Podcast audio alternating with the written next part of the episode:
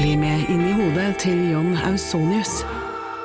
Bedre kjent som Lasermannen. Han nøt å se seg selv på nyhetene, men han var ikke fornøyd. Han skulle jo drepe. Det samme året skulle han skyte to mennesker til, før han omsider oppnådde målet om å drepe. Hør på innsiden av Psykohoder med Jonas Alf Oftebro og rettspsykolog Susanne Nordby Johansen. Gratis der du hører podkast.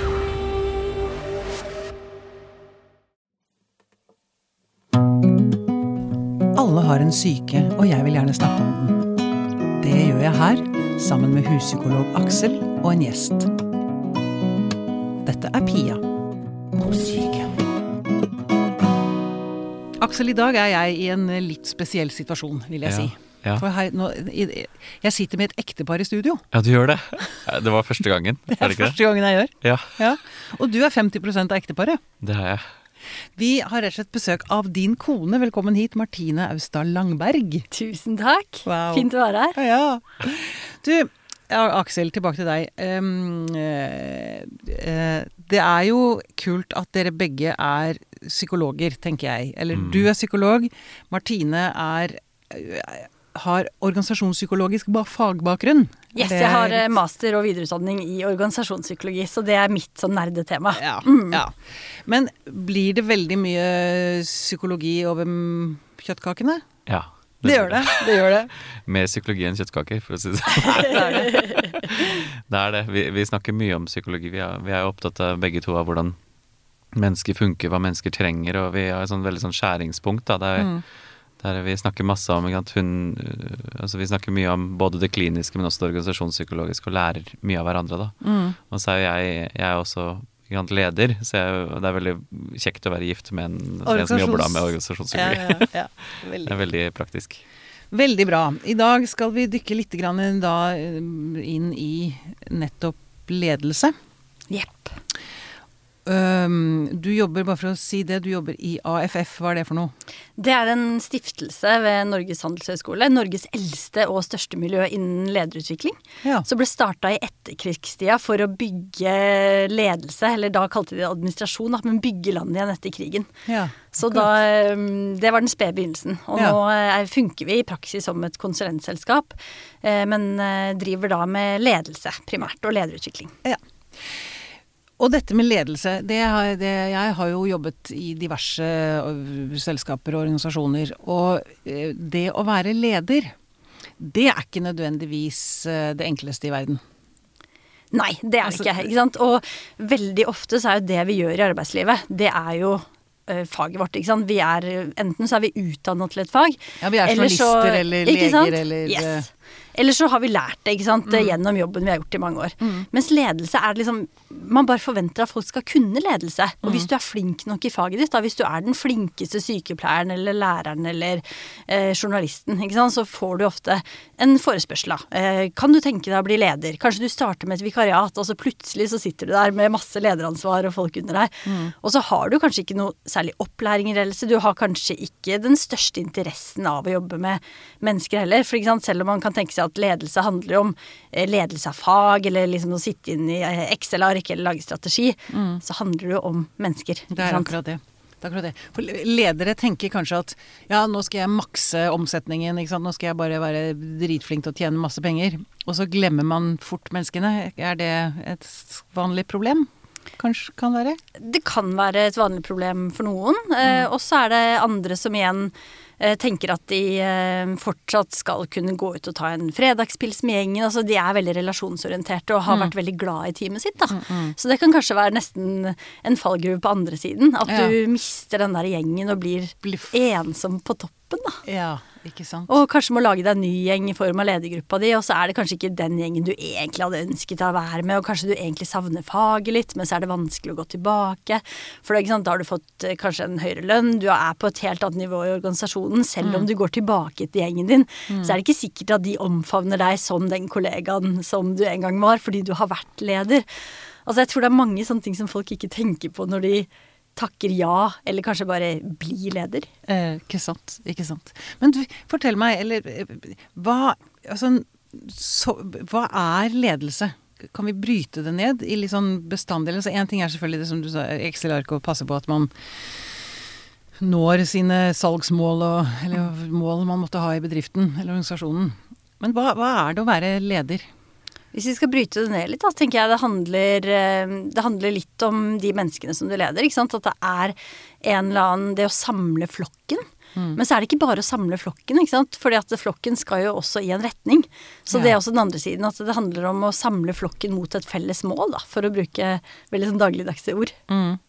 Ja, samle flokken. Men, men jeg håper å si, hva, hva gjør man som leder? Altså, hv- hv- hvordan er man en god leder? Jeg skjønner at det er vanskelig selvfølgelig å svare på på sånn sitt, sittende fot her i studio. hva, hva kjennetegner en god leder? Og det tror jeg er veldig, veldig forskjellig. Eh, Men jeg Kommer an på tror, organisasjonen, Ja, det er jo det kjedelige svaret, da. At det Mm. kommer an på. Men eh, jeg tror at eh, det vi ser at eh, gode ledere gjør, da, det er at eh, de er tett på medarbeiderne sine. ikke sant? Og det kan jo bety forskjellige ting, det. ikke sant? Men eh, det at de bryr seg om de folka de skal lede. Mm. De har et eierskap til de målene som organisasjonen setter. Så du har på en måte lojalitet begge veier. da. Både for, Du er glad i flokken din, men du har også en lojalitet mot at du skal nå noen mål. Og så tror jeg at gode ledere også setter av tid til refleksjon. At de er ikke skråsikre. De tar noen runder med seg selv på hva gjorde jeg bra denne uka? Hvem var det jeg var en god leder for denne uka? Hvem var jeg ikke en så god leder for denne uka? Eh, og rett og slett, og det er jo det vi prøver å legge til rette for med lederutvikling òg, å gi de rommene til refleksjon. Jeg tror mye god ledelse handler om nettopp det. Ja. Du, Aksel, du er jo leder Mm, hos deg. jeg er det. Um, tenker du det er stor forskjell på å være Ja, og leder? definitivt. definitivt. Jeg, jeg kjenner meg veld, Jeg følte meg sånn veldig sånn sett i stad. Eh, når, du, ja, når, du forteller om det derre at det kan være ensomt, ikke sant? For man blir, det, det, er plutselig en annen rolle, da. Mm. Ja, man, man kan liksom tenke seg at ja, man har lyst til å være leder og gjøre lederoppgavene, så vil man også samtidig være en del av det fellesskapet, og så blir det Man blir behandlet litt annerledes med en gang. Det kan være ganske ensomt, absolutt. Ja. Og så, og så er det det derre eh, Absolutt det derre ønsket, ikke. Ja, jeg, jeg, jeg oppførte meg selv også som en veldig sånn relasjonsorientert leder, så jeg følte meg veldig sånn ja, sett i dette. jeg lærte noe om meg selv når du snakket, det var veldig interessant. Ja. Skjønner at vi har gode samtaler. Men akkurat dette har vi ikke snakket om sånn som. Men akkurat dette har vi ikke snakket om sånn som dette, så det var veldig sånn hmm. Jeg satt der og nikket bare wow. Ja. Ja, ja. Men det er dette med å bli leder Det er jo altså Det å være sjef Det er liksom Det er sånn hedersbetegnelse, ikke sant. Han er sjef, hun er helt sjef. Ja. Alle vil bli ledere. Men er det nødvendigvis noe å trakte etter alltid? Altså Hvis man er en fagperson, da. Journalist, for å ta mitt fag, liksom. Og så er jeg en dyktig journalist, og så skal jeg plutselig lede masse andre journalister. Jeg vet ikke om Altså, det, er ikke nødvendigvis en god ting. Altså, man får høyere lønn, ja, og man får mer ansvar. Men så blir man også Man må plutselig ta av, upopulære avgjørelser. Eh, man blir ikke en, plutselig en del av flokken, som du snakket om, Aksel, eller dere begge. Hvorfor er, hva er dette, denne jaget etter å bli leder hele tiden?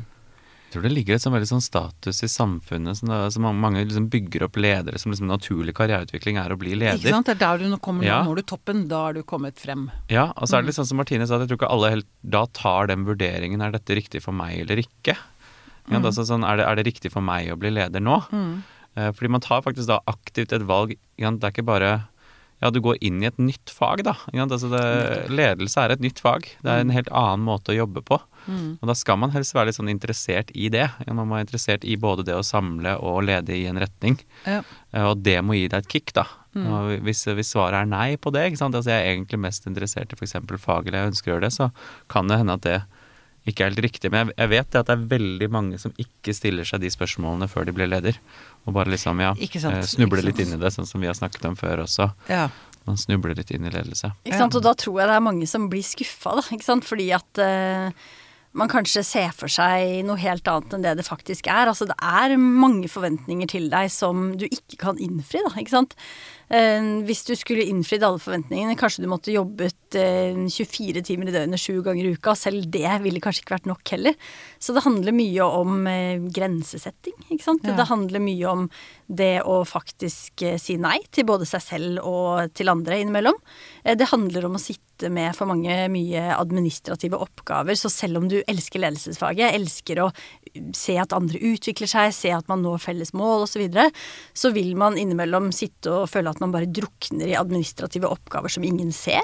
Mm. Eller så kan det hende at resultatene butter. ikke sant? At du ikke, og selv om du føler at du gjør alt riktig, så vil du ikke nå de resultatene du ønsker deg på grunn av Det kan være ting i organisasjonen eller uflaks eller sant, mye forskjellig der. Mm. Og så kan det jo, jeg tror mange også føler at de ikke mestrer oppgaven. ikke sant, At det blir en sånn skikkelig selvtillitsknekk. Ja.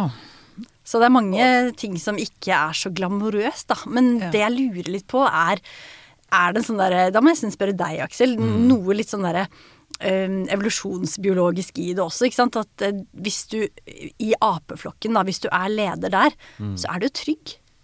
Ja, hvis du er ja, alfahann eller hun, så er du jo Ja, men eh, samtidig så er du jo også ekstremt utsatt. Det er det du er. Og, og utrygg. Altså, du, du, kan, du er sjef, og du kan bestemme, men tar du en feil avgjørelse og begynner å merke at ansatte begynner å snakke bak ryggen Du begynner å merke at nå er det noe som i gjære, og du får ikke ja, vite helt hva det er. Det må jo være helt Da er det veldig utrygt, ikke sant. Ja. Absolutt.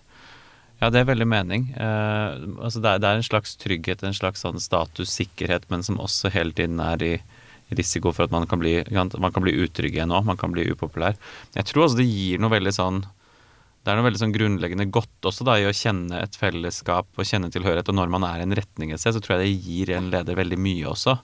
At det er nok mange som tiltrekker som får veldig sånn indre kick av det. Mm. Indre driv av at åh, nå er vi mange som drar i én retning.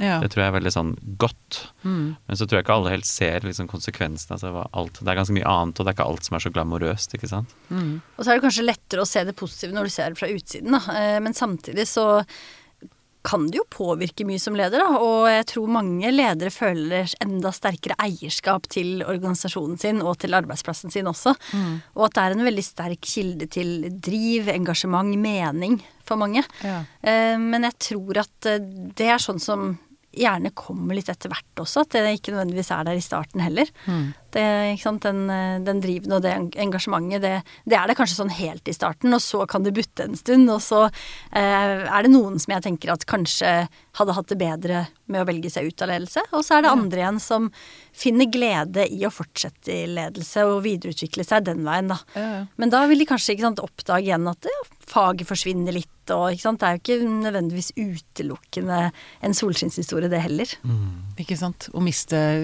miste, faget sitt, ja. Eller få avstand i det. At mm. man ikke får lov til å utøve det på samme måte. Ja. Mm. Men så er det jo også forskjell på ledere. Altså du kan være toppleder og så kan du være mellomleder, og så kan du være si, selvleder, sånn som jeg er. Ja. ja og linjeleder. Altså, linjeleder, ja. ja.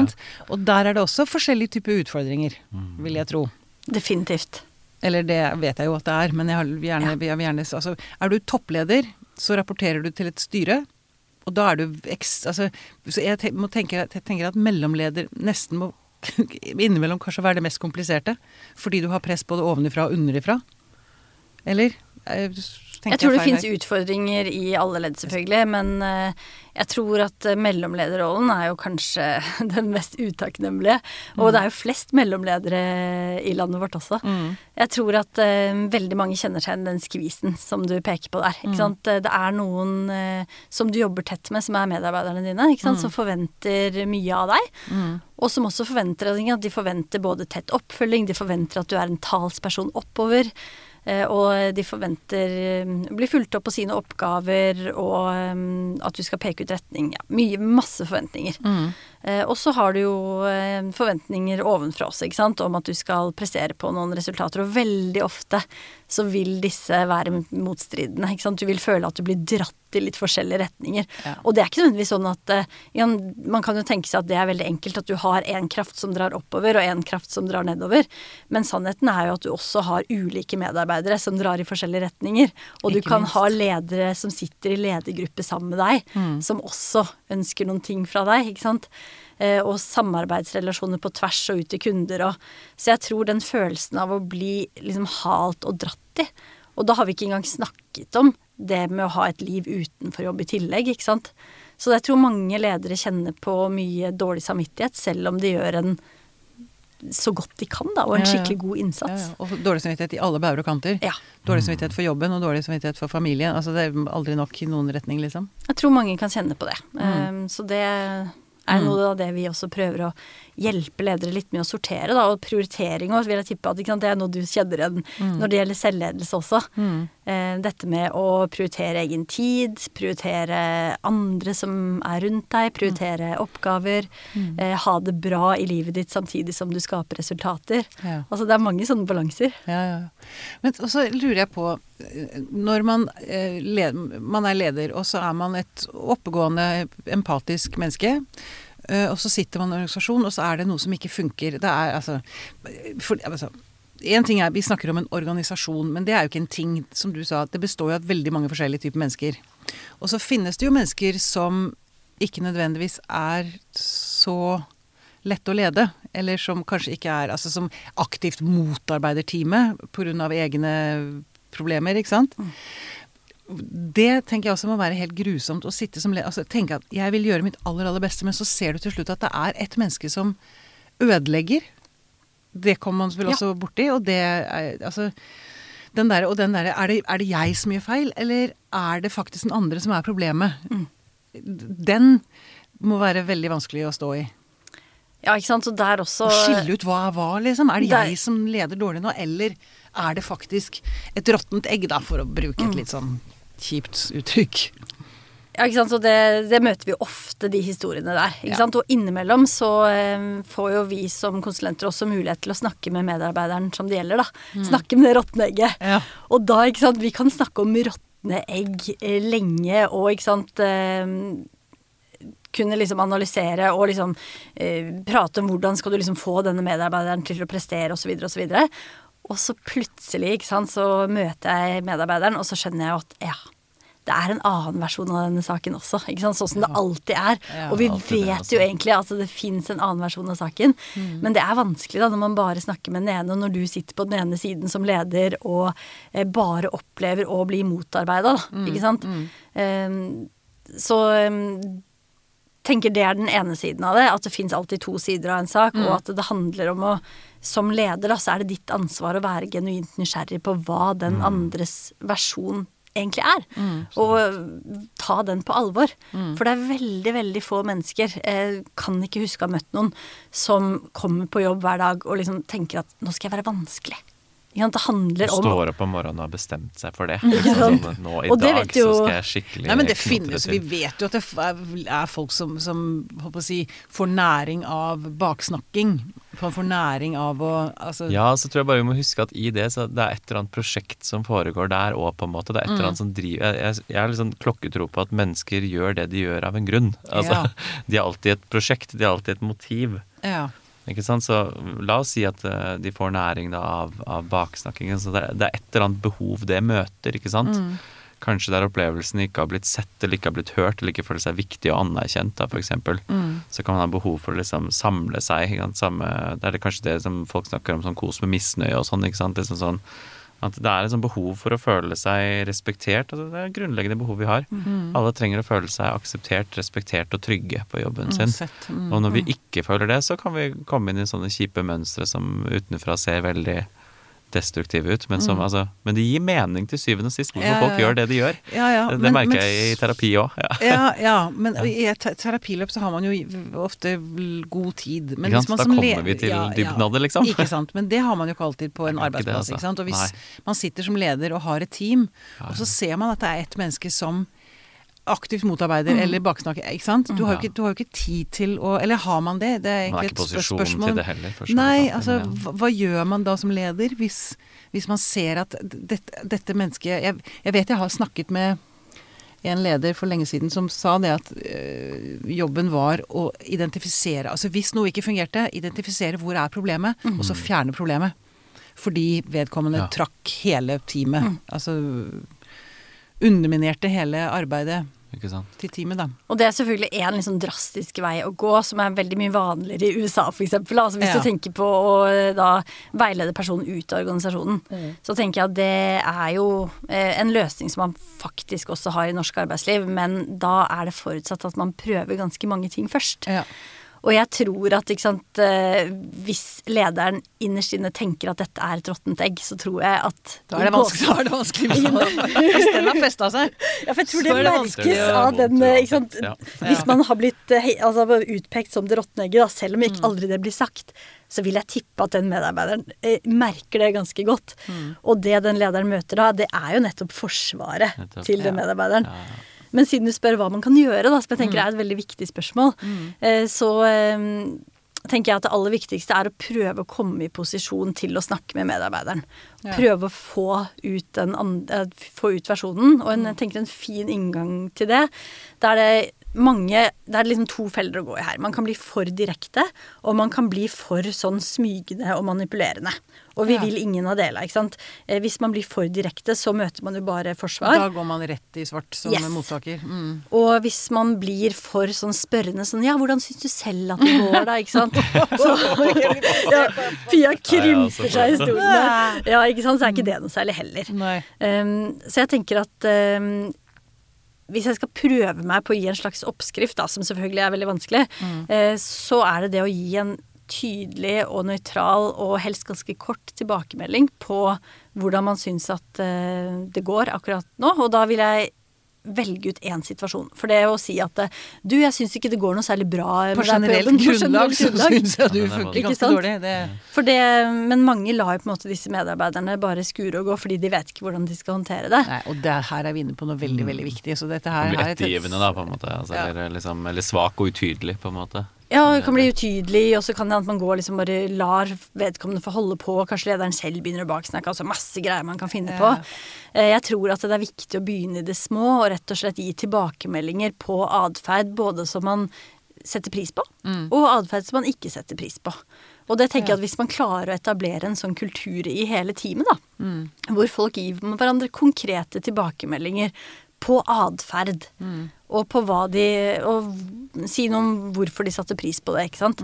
Eh, bare i et møte, da, ikke sant. Hvis det er en som sjelden tar ordet, som tok ordet på en sak, ikke sant. Si da til den personen, enten du er leder eller kollega, etterpå at eh, Vet du hva, det, du, det at du satt eh, Eller da du tok ordet i møtet i dag, så, så kom du med et poeng som jeg ikke hadde tenkt på før. Og det fikk meg til å tenke videre, og jeg kom på helt nye tanker. Så tusen takk for det. ja. Ja, fin Og det du gjør da, er jo egentlig å Du peker på en helt konkret atferd, og så sier du noe om hvordan den traff deg. Ja, fordi, og det tenker jeg også når man kommer med sånne tilbakemeldinger, det har vi snakket om før, Aksel. At eh, i- vi har snakket om det faktisk i forbindelse med eh, hvis man frykter selvmord, at man ikke, Ja. man ikke angriper den andre, mm. men sier at 'jeg blir redd'. Mm, absolutt. Eh, gjelder noe av det samme her, at, at man liksom bruker seg selv og sier at når du baksnakker Eller jeg vet ikke hvilket, hvilket eksempel man skulle brukt der, ja. På at man, at man, at man At man snur det mot seg selv. Ja. At man ikke kritiserer den andre. Og så tenker jeg at man kan også si noe om hvilken effekt det hadde på andre. Ikke sant? For eksempel eh, ja, i det samme møtet, da, så la jeg merke til at eh, du og Petra eh, satt og hvisket sammen. Ikke sant?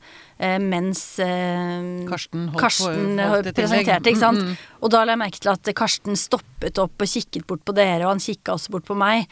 Og jeg tror at Karsten ble litt usikker. Mm. Og jeg la også merke til at jeg ble veldig opptatt av den hviskingen deres. Mm. Og så trenger man ikke å si noe mer. Man trenger ikke å si sånn derre Ja, så det setter jeg pris på at dere slutter med, ikke sant? for det Nei, ligger der implisitt. Men rett og slett bare Bare stoppe der. Ja, ikke sant? På effekten, da. For Ja, meg eller for Karsten. Men jeg har lyst til å bare tilbake litt. Grann. Du sa altså, man skal ikke være for direkte, men skal, man skal være tydelig. Kan ikke du skille litt mellom de Kan du gi noen eksempler på hva er for direkte, og hvordan skal man heller gjøre det? Jeg, jeg, altså være smygende og unnvikende, den, den forstår jeg. Men forskjellen på direkte og tydelig, eller for konfronterende, eller Ja. Jeg tenker at konfronterende kanskje er bedre ord, da. ja, okay. For direkte er jo kanskje sant, eh, Det er bra å være direkte. Mm. Tydelig, jeg Men tenker, altså, ja. eh, ikke sant, eh, vi har snakket litt om det, Aksel, at når folk eh, Du har også jobbet litt med ledere. Og når det kommer ledere og sier sånn Ja, han trenger en realitetsorientering. Oh, ja. Hva, hvordan reagerer du da? Jeg blir alltid litt sånn eh, Ja, jeg føler jo at realitets... Jeg har sånn kjepphest for det, da. Sånn, altså at realitetsorientering i det hele tatt er et litt sånn kjipt ord, for det er å orientere den andre mot realiteten. Så det er allerede liksom innebygd at du allerede ikke anerkjenner den andres opplevelse, på en Ja, for du sier at jeg har min opplevelse Jeg har realiteten, jeg har realiteten, den andre andre har ikke. Og da starter man liksom allerede på litt sånn dypt empatisk vann, på en måte. Så man, man, man bommer litt fort. Mm. Eh, så det er en slags sånn ydmykhet der vi må nesten ha med oss. Mm. Og også tenker jeg, du er også inne på noe som jeg tenker er en sånn kjerne eh, et, ja, eh, et av de viktigste kjennetegnene ved en god tilbakemelding, da, og det er at den kommer fra et godt sted. Ja, så da kan du være ganske direkte. Vet ikke, Jeg har i hvert fall fått noen av de tilbakemeldingene som sitter sterkest igjen hos meg. Det har vært ganske direkte tilbakemeldinger. Mm. De har gjort vondt òg, men fra folk som jeg vet at vil meg vel. Og det, ikke sant, og det tenker at det er noe av det som kanskje skiller en uh, ubehagelig konfronterende tilbakemelding fra en ærlig direkte også. At man opplever ikke at det kommer sånn ovenfra og ned, men man opplever at det kommer i øyenhøyde fra en person som virkelig vil deg vel. Og for å etablere den relasjonen, så tror jeg det er viktig å fylle på banken med ærlige, positive tilbakemeldinger. Og det er kanskje ikke så lett hvis du har en medarbeider som du i utgangspunktet misliker. Men her kommer kanskje min utfordring, da, eller oppfordring til de som har noen i teamet sitt som du ikke liker. Altså prøv å ta de litt på fersken i å gjøre noe bra. Før du tenker at du skal begynne å konfrontere. For jeg har lite tro på å møte folk som du egentlig ikke har en relasjon til, med masse tilbakemeldinger på hva de må gjøre annerledes. Da tror jeg du veldig fort havner For det første møter deres forsvar, men òg kan liksom havne i konflikt, da. For du har ikke noen relasjon hvor de vet Altså for alt de vet, så kan det være, at, eh, være at du er ute etter å ta dem. At det er perspektivet deres. Heller den, enn den derre du gir meg en ærlig tilbakemelding nå fordi at du er på laget mitt og vil meg vel. Ja. ja, for det tenker jeg må være veldig viktig, at man opplever at man er på samme lag. Mm. For hvis, hvis man blir konfrontert med noe og egentlig føler at sjefen min vil at jeg skal slutte, da, da er det ikke mye vits i å Yes. Mm. Og det er jo vanskelig sant? hvis du faktisk vil at medarbeideren skal slutte. ikke sant? Og la det ikke skinne gjennom på en eller annen måte. Men blir man ikke, gjennomskuer man det ikke hvis den derre eh, Hvis sjefen din sier 99 fine ting, så husker du den siste negative tilbakemeldingen, den hundrede som er negativ. Men hvis man liksom Jeg bare lurer på om man Gjennomskuer man det ikke hvis man liksom blir pakka inn i masse Og du er kjempeflink til det, og det er veldig god kake du laget her forleden, og så syns jeg det er glad for at du setter på kaffen, men akkurat når de altså, Ja. Skjønner du at det, det er så lett å Og det er jeg veldig glad for at du sier, for det er, liksom, vi kaller det for liksom sandwich-modellen. At, ikke ikke sant? sant? eh, Du kan pakke det inn så godt du vil, men hvis det er en bæsj i midten, så, Så bryr du deg det ikke om eh, like vondt lik liksom det brødet som er rundt der, da. Ikke sant. Ja. Eh, Så, så det tenker jeg at eh, man må liksom virkelig og det er jo en hårfin balanse, ikke sant. Fordi at eh, jeg sier at ja, du skal bygge opp den der banken, men samtidig så må det være ekte, da. Ikke sant? Det må være ekte ting som du setter pris på. Og hvis det er sånn at du liksom absolutt ikke liker en person, eller syns at en person er eh, ja, vanskelig å ha med å gjøre, så tenker jeg at eh, du har, en, du har en jobb å gjøre også med deg selv. Da, ikke sant? Ref det der med selvrefleksjon også. At eh, det å ikke like en person er ikke grunn til å kaste personen ut av organisasjonen heller. Og da er det jo også lett å bare se alt det dårlige den personen gjør. Så det er også litt den der ydmykheten for at det fins en annen versjon av, eh, av denne saken. Og der slår jeg et slag for det å faktisk kjenne hverandre litt på jobb. Da. Ikke bare være kollegaer som jobber sammen eh, om et fag eller et prosjekt eller eh, hva som helst. men faktisk kjenne hverandre litt som mennesker også. For jeg tror at hvis du klarer å se mennesket bak atferden, så er det så mye lettere å være ordentlig på lag med de menneskene du har rundt deg. Men du, er det, spør dere begge, er det en idé, kan det være en idé å også være helt ærlig på å sette seg ned foran denne personen og si øh, Kanskje ikke si at 'jeg ikke liker deg', det er kanskje litt drøyt, men å si at vi to er jo veldig forskjellige. Eller, og, eller vi samarbeider ikke så godt. Er, det- er det, eller er det for konfronterende?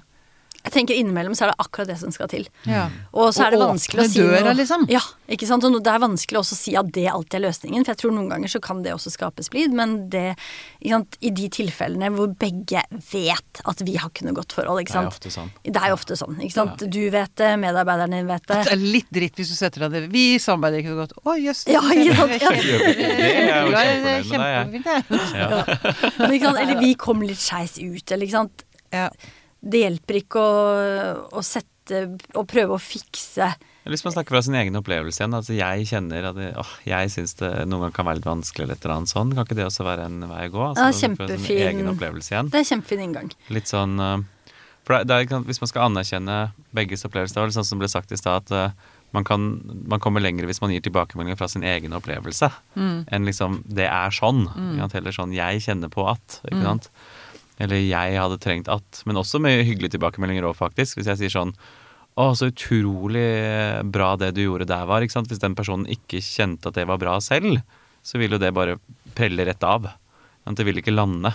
Hvis jeg sier at det du gjorde der, det, gjorde, det hjalp meg veldig, da lærte jeg noe.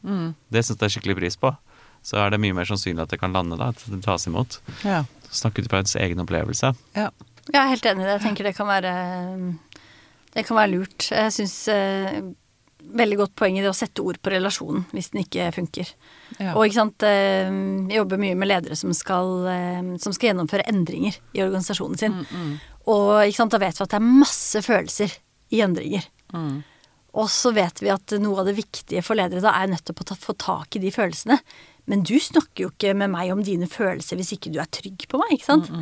Så da eh, tenker jeg at hvis du merker at det har gått eh, At det har kommet virkelig skeis ut, så er det syns jeg et kjempegodt tips, sånn som du sier, Pia. å Ta det ene steget bakover eller til siden og si at eh, du, da jeg begynte her, så satte jeg i gang med masse ting som jeg egentlig ikke skjønte konsekvensen av. Og jeg er litt lei. Jeg er redd for at jeg har tråkka over noen grenser som har vært kjipe for deg. Ja. vil du si litt om det, hvordan det har vært for deg, eller et eller annet sånt? Ikke sant. Da åpner du jo for en dialog. For Ja. det, jeg vil jo tro at det viktigste er å åpne, altså få, ha en åpen dialog. For hvis folk låser seg fast i sine, i sine meninger og sine holdninger og sine skyttergraver Ja, Når det blir sånn kamp om hvem som har sannheten, da blir det veldig veldig vanskelig. Da blir Ja. det bare mer og mer kamp, altså. Ja. Ja, Ja. Det er alltid flere opplevelser. Ja. Mm, mm. Um, hvordan er det med Du snakket i sted, Martine, om um, at man går ut og tar en pils og sånn. Hvordan er det med alkohol og ledelse og ansatte og foresatte?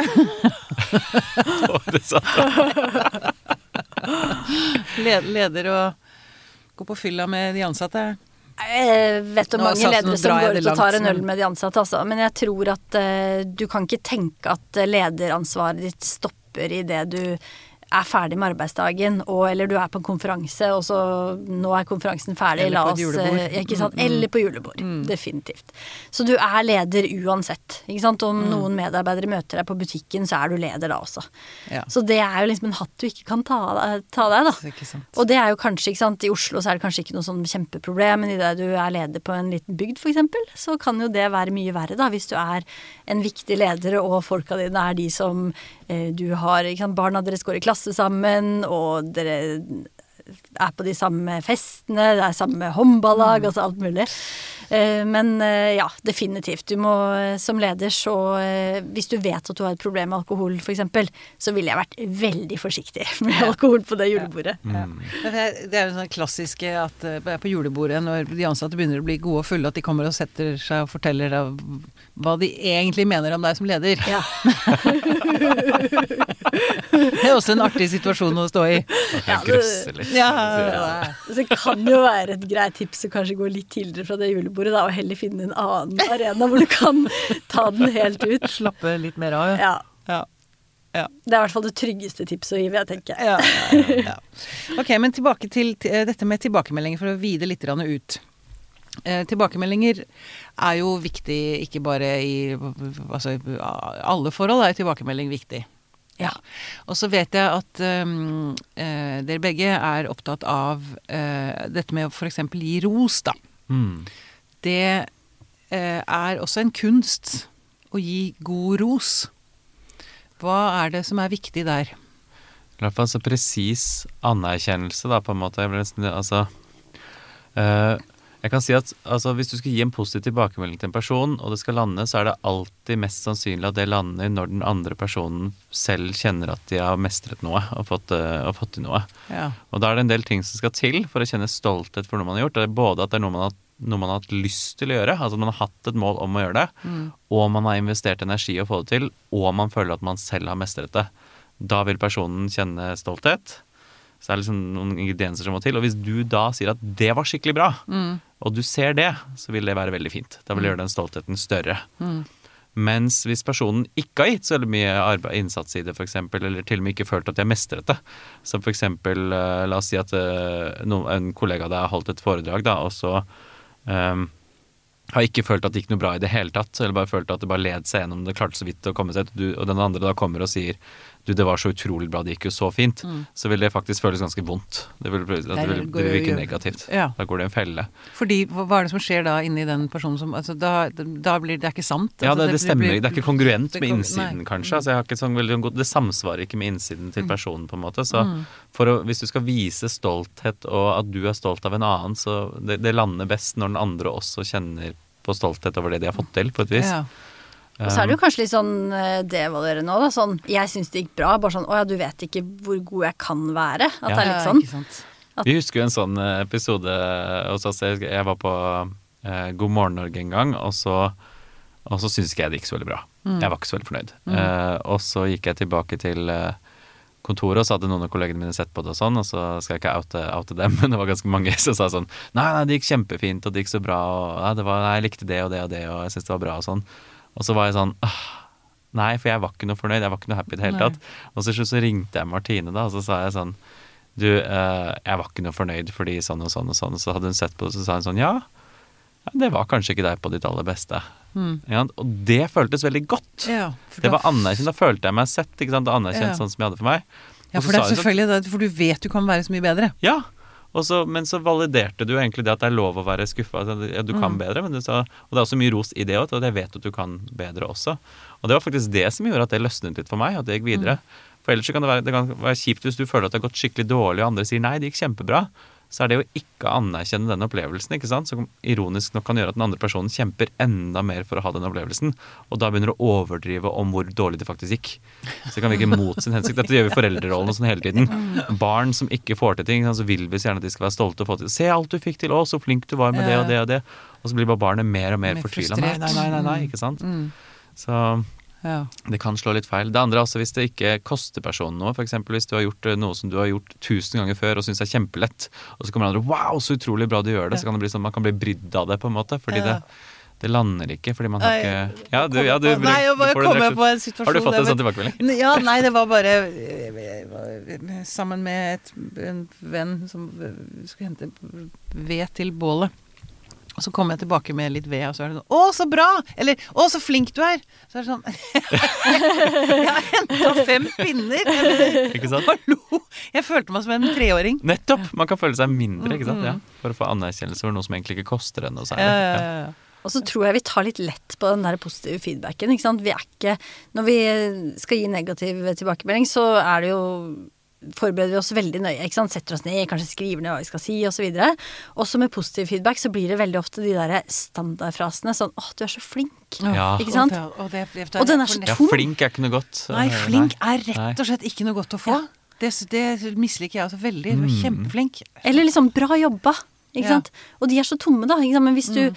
eh, gir en spesifikk tilbakemelding på hvorfor du syns noe var bra, Mm. og hva det gjorde med deg, da. Ikke sant? Jeg lærte noe nytt av det som jeg leste at du hadde skrevet nå. Ikke sant? Mm, Eller den forrige podkasten som eh, du ga ut. Det fikk meg til å reflektere masse. Ikke sant? Mm, Jeg måtte til og med ringe noen jeg kjente, og så snakket vi sammen, og så ikke sant? lærte vi noe av det. Mm. Det er jo tilbakemeldinger som i mye større grad treffer, og som folk tar vare på, da. Ja, ja. Fordi de er spesifikke, og fordi at du ser at du har klart å skape noe hos noen andre. Mm. Og det setter vi jo pris på alle sammen. Og da tenker jeg de som sier at 'å, jeg klarer ikke å ta imot ros'. Jeg tror selv de vil kunne klare å ta imot den type ros mye mer, for det handler om atferden din. Og ikke sant, Ja. noe spesifikt du har gjort, heller enn sånn derre Mm. 'å, du er så' et eller annet. Fyll inn. Ja, ikke sant? Hvis man, sier, hvis man sier 'du er så flink' eller 'du er så god', så legger man også veldig sånn fokus. Det kan gjøre den andre veldig selvbevisst. ikke sant? Hvordan skal jeg ta imot dette? Ja, ja. Oi, alt blir rettet mot meg. Er jeg det eller er jeg ikke? Hvis jeg ikke føler meg flink, så blir det bare vondt. Og, og så kan man bli forlegen og flau òg, ikke sant? Til man kan bli sånn ja, det kan bli litt voldsomt, på en måte. Mens hvis den andre sier 'det gjorde noe med meg', ja, Mm. altså min opplevelse, jeg lærte noe av deg, og det var veldig nyttig for meg, tusen takk for det, Mm. så, så deler man litt mer på oppmerksomheten på et vis. Ja. Det er kanskje lettere å ta imot, jeg vet ikke. Ja, ja. Mm. Men dette med ø, ø, tilbakemeldinger er, Tenker dere at vi er flinke til å gi hverandre tilbakemeldinger som mennesker? Flinke nok? Jeg tror jeg sitter og sier dette nå fordi jeg, jeg Dette med å lage podkast er jo en rar øvelse fordi vi sitter? Vi sitter her og snakker, og det er kjempehyggelig, og jeg ser blikkene deres, og jeg hører ikke sant? Vi har en dialog. Men så idet jeg trykker publiser på episoden, så forsvinner episoden inn i et sort hull. Ja. Og så får jeg noen likes når jeg legger ut, men, men jeg aner jo ikke hvordan folk der ute Nei. reagerer. Det er noen som legger igjen sånne sure meldinger på iTunes, sånne tilbakemeldinger. At jeg avbryter for mye og ikke sant? jeg får sånne, sånne ting. Det er Mm. jeg, er, er ikke inne der så ofte og leser de, for å si sånn. Men det er en, det er en utrolig viktig del av å være menneske. Ja. Mm, Å få tilbakemelding. absolutt. Og, og egentlig, det er nesten bedre å få en dårlig tilbakemelding kanskje enn ingen. Eller noe, Ja, og ikke vite og ikke er vite, veldig ikke sant? ubehagelig. Å være i mørket er Veldig utrygt. Ja. Mhm. Absolutt. Det ser vi på jobb, f.eks. At sånn, hoved, en, et av de hovedkriteriene for å ha jobbtrivsel er å få tilbakemelding på hvordan du gjør jobben din. Ja. Altså, det er viktig. Hvis vi ikke får det, så begynner vi å lage sånne forklaringer og sånn selv. Det å ikke vite Ja. hva andre synes, det er veldig ubehagelig. Ja. Ja. Så da er det nesten kanskje bedre å gi litt ris, for da har du i hvert fall sett vedkommende. Jeg tror i hvert fall det er viktig å se hverandre, og jeg tror man kan gjøre det på mange forskjellige måter. Nå har vi jo snakket veldig mye om ver verbale tilbakemeldinger, Ja. men det du egentlig tar, for, tar opp nå, da, som jeg syns er spennende, er jo de ikke-verbale tilbakemeldingene. Ja. Bare det at vi møter blikkene til hverandre nå, ser på hverandre. De formene for tilbakemeldinger tenker jeg at også gir veldig mye, da.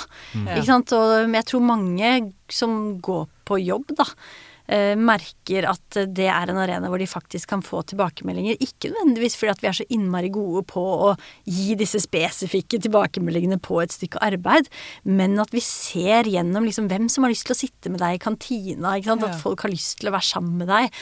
At du, eh, det du leverer fra deg, det blir tatt på alvor på en eller annen måte, tatt videre. Det er også en form for tilbakemelding, da. Ja. Som jeg tenker at eh, Der blir jeg liksom litt bekymra for eh, oss når vi sitter altfor mye alene foran en skjerm òg. At vi, ikke sant, Da har man jo tomler opp og sånt noe der også. Eh, men jeg tror at eh, den der ikke-verbale tilbakemeldingen som handler om å både være en del av et fellesskap og det å bli sett for den jobben vi gjør, der er arbeidslivet en veldig viktig arena. Ja, ja, ja.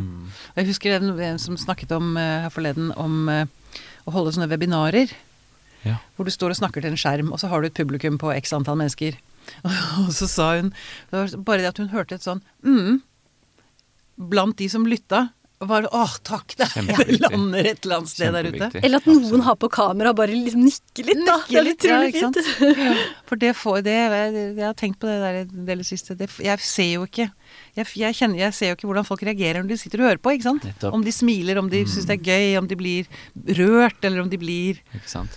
Men denne episoden om Sondre, med Sondre Leike, så snakket vi en del om det med iver og sånn. At vi ser at for at vi selv skal være engasjerte og fortsette å ville gjøre noe, så må vi ha at noen andre møter deg og matcher deg eller overgår deg i, i engasjement. Altså Ja. man, man må møte, anerkjenne blikket og være med.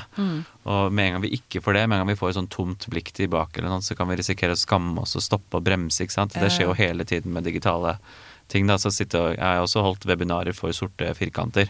Og det er, det er altså det er, det er, ja, Man får sånn småopplevelser med skam nesten hele tiden. Ja. For Man snakker, og så får man ikke noen respons. Og da vet du ikke om jeg er på rett spor eller ikke. Snakker, treffer jeg ingen, Så vet man ikke. Nei. Og da mister man veldig Så må man jobbe veldig hardt for å holde energien sin oppe. liksom. Jeg tipper det er mye sånn med podkast og sende ut noe til et, eh, ja, det sorte hullet, på en måte. Også at man får lite feedback. Og da er det yeah. vanskelig å kjenne driv og engasjement fortsatt. Fordi man, man trenger at andre er sånn Yes, det der var skikkelig kult. Ja, så fett. Jeg vil høre mer om det. Og det får du jo heldigvis i studio, da, forhåpentligvis av oss. Men det er ikke så lett å få det. For jeg Ja, syns det er veldig gøy å spille, spille inn, men det har begynt å tære på det å sende det ut. ja, det ja. Rett og slett. Ja, absolutt. Ja, det er en sånn tomhet etterpå, da, ikke sant. Sånn eh, og ja, ref webinarer, da, ikke sant. Kommer man Gir man litt av seg selv, da, ikke sant. Sånn som du gjør masse i podkasten din nå, Pia, ikke sant. Bare bare jeg forteller en sånn litt klein vits, ikke sant? så er det ingen som vil noe respons. det er utrolig sånn. Og det kan være litt sånn gøy der og da, så blir jeg sånn åh etterpå. Ja. Syns det var ordentlig kleint. Og jeg ser for meg at ikke sant, spesielt du som gir så mye av deg selv, Pia, ikke sant? og bare sender du ut, og så er det tomt. Jeg kan det er se for meg at det kan være ubehagelig, og det tenker jeg at det er da er det ikke nødvendigvis viktig at man følger den gode oppskriften på konkrete tilbakemeldinger, men mer det der ja, ikke-verbale, kanskje, eller Ja. Det, er, som- det er ikke så lett å få Mm. ikke-verbal eh, er ikke tilbakemelding på en podkast. Det er akkurat at, det. eh, nei, ikke sant.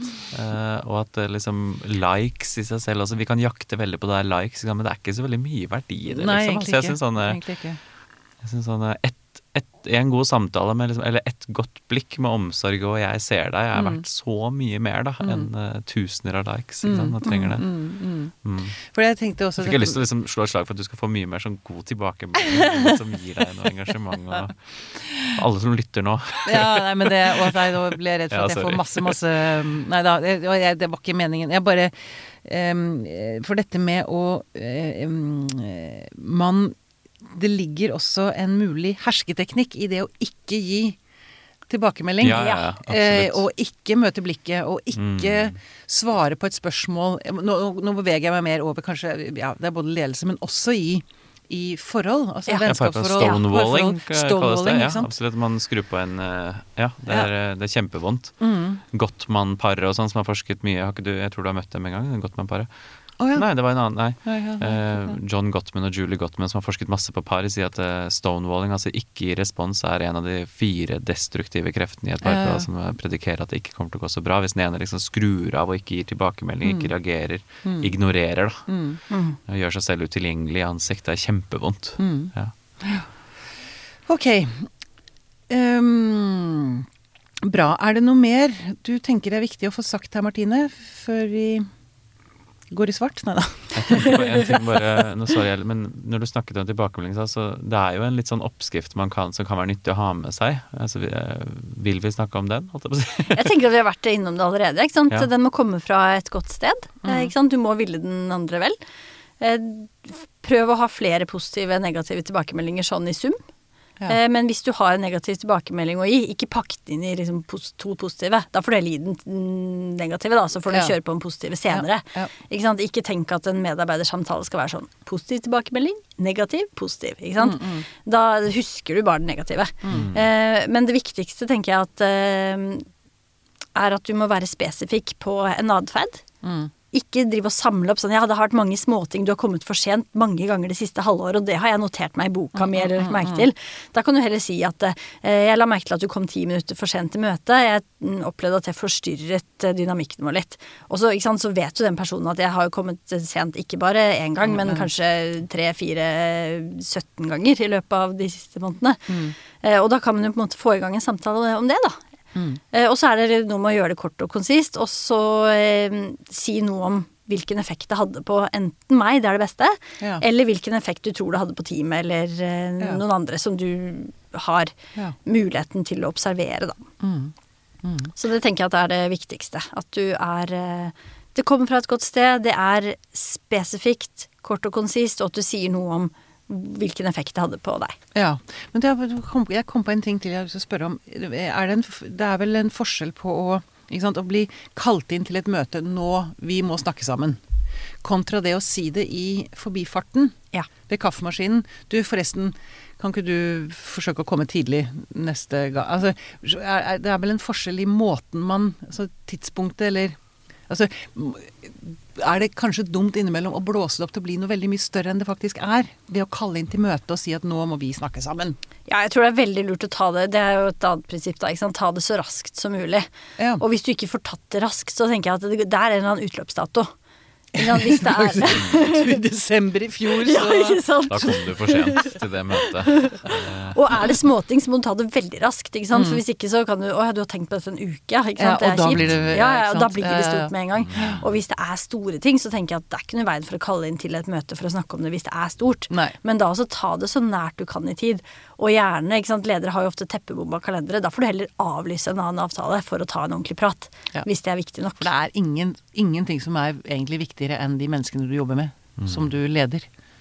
Det er ingenting som, som er viktigere enn det. Det tenker jeg altså. De er, eh, det er jo de som er ressursene dine. Ikke Ikke sant? sant? Når du er leder, så er det Uten de dem så er du veldig lite sjæl, egentlig. Ja, altså Eller nei, det skal jeg ikke si. Ingen mennesker er lite, det er ikke det jeg mener. Men som leder så er du Ja, Det blir vanskelig å dra i en retning og oppnå målene sine. Ja, som leder så leder du jo laget sitt, gjennom andre, ikke sant. Ja. Eh, Så du løser jo oppgavene gjennom andre mennesker. Mm. Så hvis ikke de menneskene har det bra og funker, Mm. så vil heller ikke du som leder funke så spesielt bra. Ikke sant. Mm. Ikke sant. Veldig bra. Vi kan jo si det generelt i parforhold også, at det er lurt å ta sånne ting med en gang. Altså litt når det Ja. skjer noe. Altså liksom, det gjelder litt Ja. de samme prinsippene der, og også, man må ha relasjonen i bånd. Ja. Og så er det er noe med at man tenker at dette blir ubehagelig, og så stå i det ubehaget. Bare vite at det blir litt ubehagelig. Ja, for det krever en del mot, altså. Det, ja. Sånn, ja. det er det. Vi gjør det, og vi unngår ofte å snakke om det for å beskytte oss selv fra vonde følelser. ikke sant? Ja. Ja. ja. Og det må man bare Det må man bare tenke at ok, jeg overlever dette også. Bare gjør det. Så går det sannsynligvis veldig mye bedre enn man tror. Teste det, ikke sant? få litt sånn nye erfaringer og opplevelser. Men det kan være litt sånn avhengig av hvor, hvor man kommer fra, hva man har opplevd før, også mye Ja, ja. tilbakemeldinger. ikke Ja, sant? ja. Mm. Veldig bra. Da var det, var det noe mer du ville legge til? Eller nei, vi hadde det jeg har spurt om det Jeg tror, vi, jeg tror vi har dekket veldig mye, og så er det helt sikkert masse vi ikke har snakket om også, men sånn er det. Eh, Så håper at lytterne også eh, fikk litt å tenke på. Ja, det er jeg ganske sikker på at de fikk. Tusen takk for at du kom til oss. Kone. Jeg skal ikke si kone. Organisasjonspsykolog. Først og fremst kone. Martine Austad Langberg. Tusen takk for at jeg fikk komme.